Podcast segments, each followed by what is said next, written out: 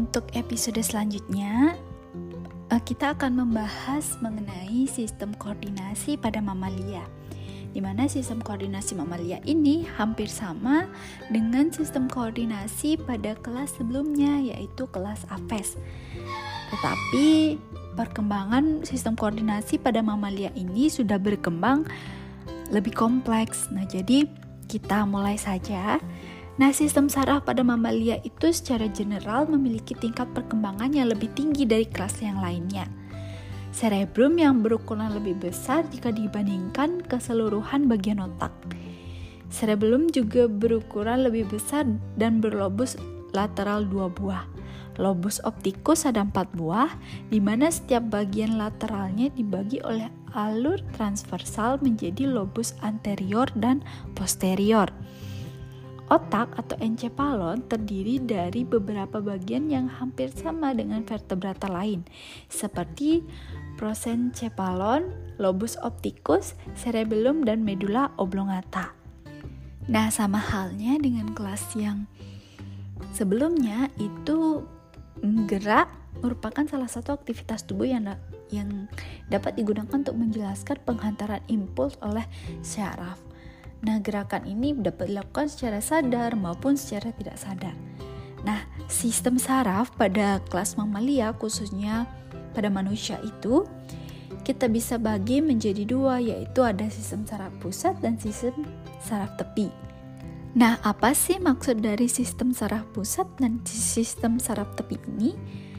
Oke, kita akan bahas satu persatu ya. Jadi yang pertama itu kita bahas yaitu sistem saraf pusat, di mana seluruh aktivitas tubuh manusia itu dikendalikan oleh sistem saraf pusat. Nah, sistem ini mengintegrasikan dan mengolah semua pesan yang masuk untuk membuat keputusan atau perintah yang dihantarkan melalui saraf motorik ke otot atau kelenjar. Nah, sistem saraf pusat terdiri dari otak dan susum tulang belakang. Oke, yang pertama otak. Nah, otak ini dilindungi oleh tulang-tulang tengkorak, sedangkan sumsum -sum tulang belakang itu dilindungi oleh ruas-ruas tulang belakang. Selain itu, kedua organ tersebut dilindungi oleh selaput yang terdiri dari jaringan ikat yang disebut meninges. Meninges tersusun atas tiga lapisan, yaitu pia mater, arachnoid, dan dura mater. Pia mater merupakan lapisan paling dalam yang banyak mengandung pembuluh darah. Kemudian arachnoid merupakan lapisan tengah berupa selaput jaring yang lembut. Antara arachnoid dengan pia mater itu terdapat rongga arachnoid yang berisi cairan. Dura mater merupakan lapisan paling luar yang berupa membran tebal fibrosa yang melapisi dan melekat pada tulang. Otak ini dapat dibagi menjadi tiga bagian yaitu otak depan, otak tengah, dan otak belakang. Pembagian dari ini tampak nyata hanya selama perkembangan otak pada fase embrio. Nah, otak pada manusia itu terdiri dari beberapa bagian atau lobus, di mana bagian-bagian ini adalah yang pertama otak besar. Otak besar ini mengisi penuh bagian depan di rongga tengkorak dan terdiri dari dua belahan atau hemisfer besar, yaitu belahan kiri dan belahan kanan. Untuk teman-teman agar bisa terbayang bagaimana uh, belahan-belahan dari otak itu bisa dilihat di PowerPoint ya. Nah, jadi setiap belahan ini mengendalikan bagian tubuh yang berlawanan. Belahan kiri mengatur belahan tubuh bagian kanan, kemudian sebaliknya. Nah, Otak besar ini terdiri dari dua lapisan yaitu lapisan luar atau korteks yang berisi badan neuron dan lapisan dalam berisi serabut syaraf yaitu dendrit dan neurit. Otak besar ini terbagi menjadi empat lobus yaitu frontalis, bagian dahi, kemudian parietalis, bagian ubun-ubun, temporalis, bagian pelipis, dan occipitalis, bagian belakang kepala. Nah, otak besar ini merupakan syaraf pusat utama karena berperan dalam pengaturan seluruh aktivitas tubuh yaitu kecerdasan, kemudian keinginan, ingatan, kesadaran, kepribadian, daya cipta, daya hayal, pendengaran, pernafasan dan lain sebagainya.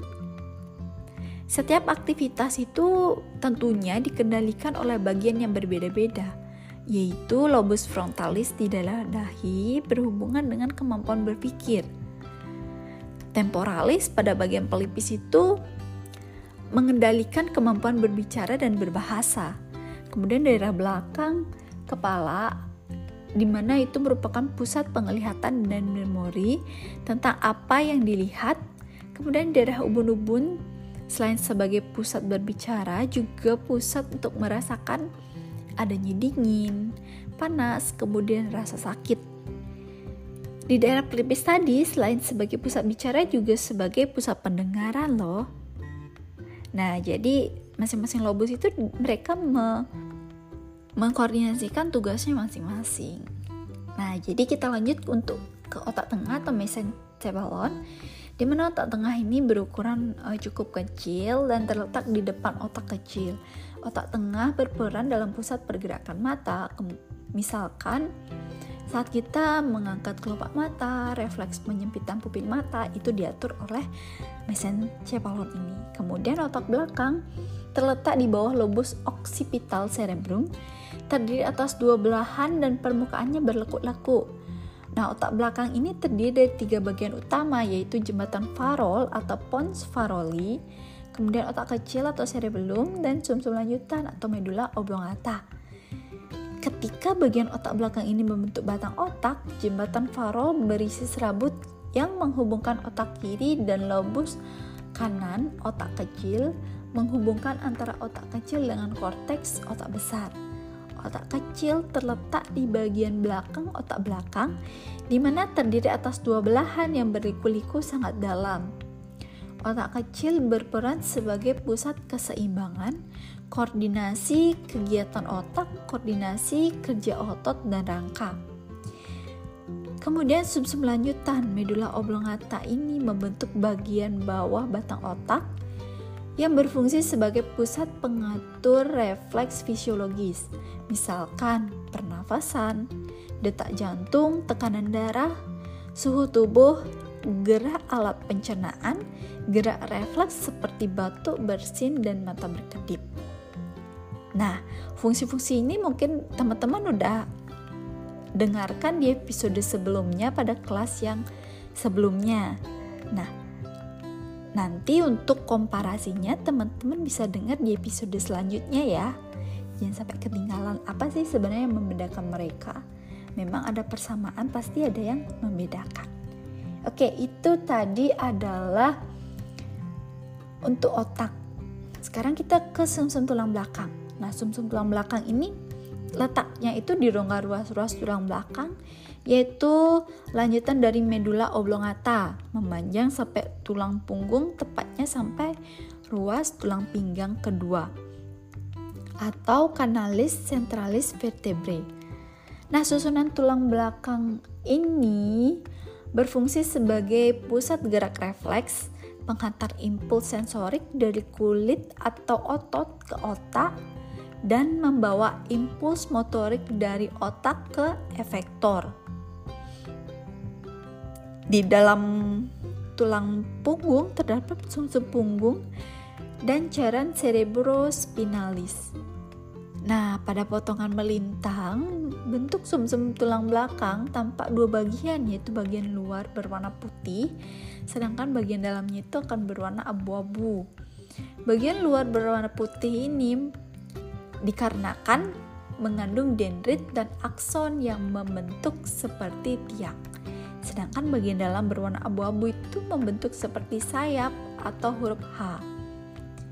Sayap atau huruf H yang mengarah ke perut disebut sayap ventral yang banyak mengandung neuron motorik dengan akson menuju ke efektor, sedangkan sayap yang mengarah ke punggung disebut sayap dorsal yang mengandung badan neuron sensorik. Oke, sekarang yaitu saraf tepi. Saraf tepi atau saraf perifer ini adalah lanjutan dari neuron yang bertugas membawa impuls saraf menuju ke atau dari sistem saraf pusat. Berdasarkan cara kerjanya, sistem saraf tepi dibedakan menjadi dua, yaitu ada sistem saraf sadar, yaitu sistem saraf yang mengatur segala gerakan yang dilakukan secara sadar atau di bawah koordinasi saraf pusat atau otak tadi.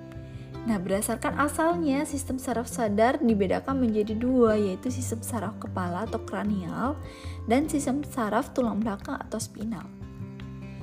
Kemudian sistem saraf tak sadar berdasarkan sifat kerjanya, saraf tak sadar dibedakan menjadi dua, yaitu saraf simpatik dan paraf simpatik. Oke, untuk yang simpatik ini dia terletak di bagian ruas tulang belakang. Fungsinya yaitu untuk memacu kerja organ, tubuh. Nah, walaupun ada beberapa yang malah menghambat kerja organ tubuh. Nah, fungsi untuk memacu ini antara lain mempercepat kerja jantung, mempercepat pupil mata, mempercepat bronkus. Nah, kemudian ada pun yang menghambat itu contohnya adalah memperlambat kerja alat pencernaan, menghambat ereksi dan menghambat kontraksi kantung seni. Kemudian yang kedua adalah sistem parasimpatik. Nah, saraf ini memiliki fungsi kerja yang berlawanan sehingga dibandingkan dengan saraf simpatik.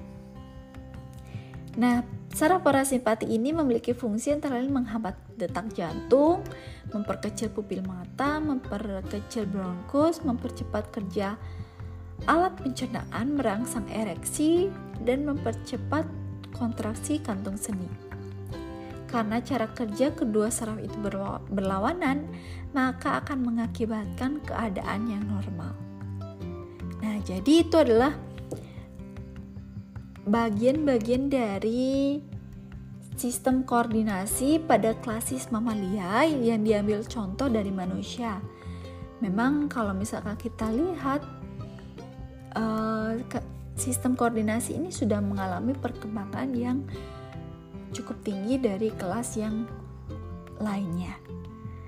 Nah, jadi untuk komparasinya teman-teman ingat ya, dengarkan di episode selanjutnya agar lebih jelas kesimpulan-kesimpulan apa yang sudah kita bahas dari episode awal hingga klasis yang terakhir. Terima kasih sudah menonton.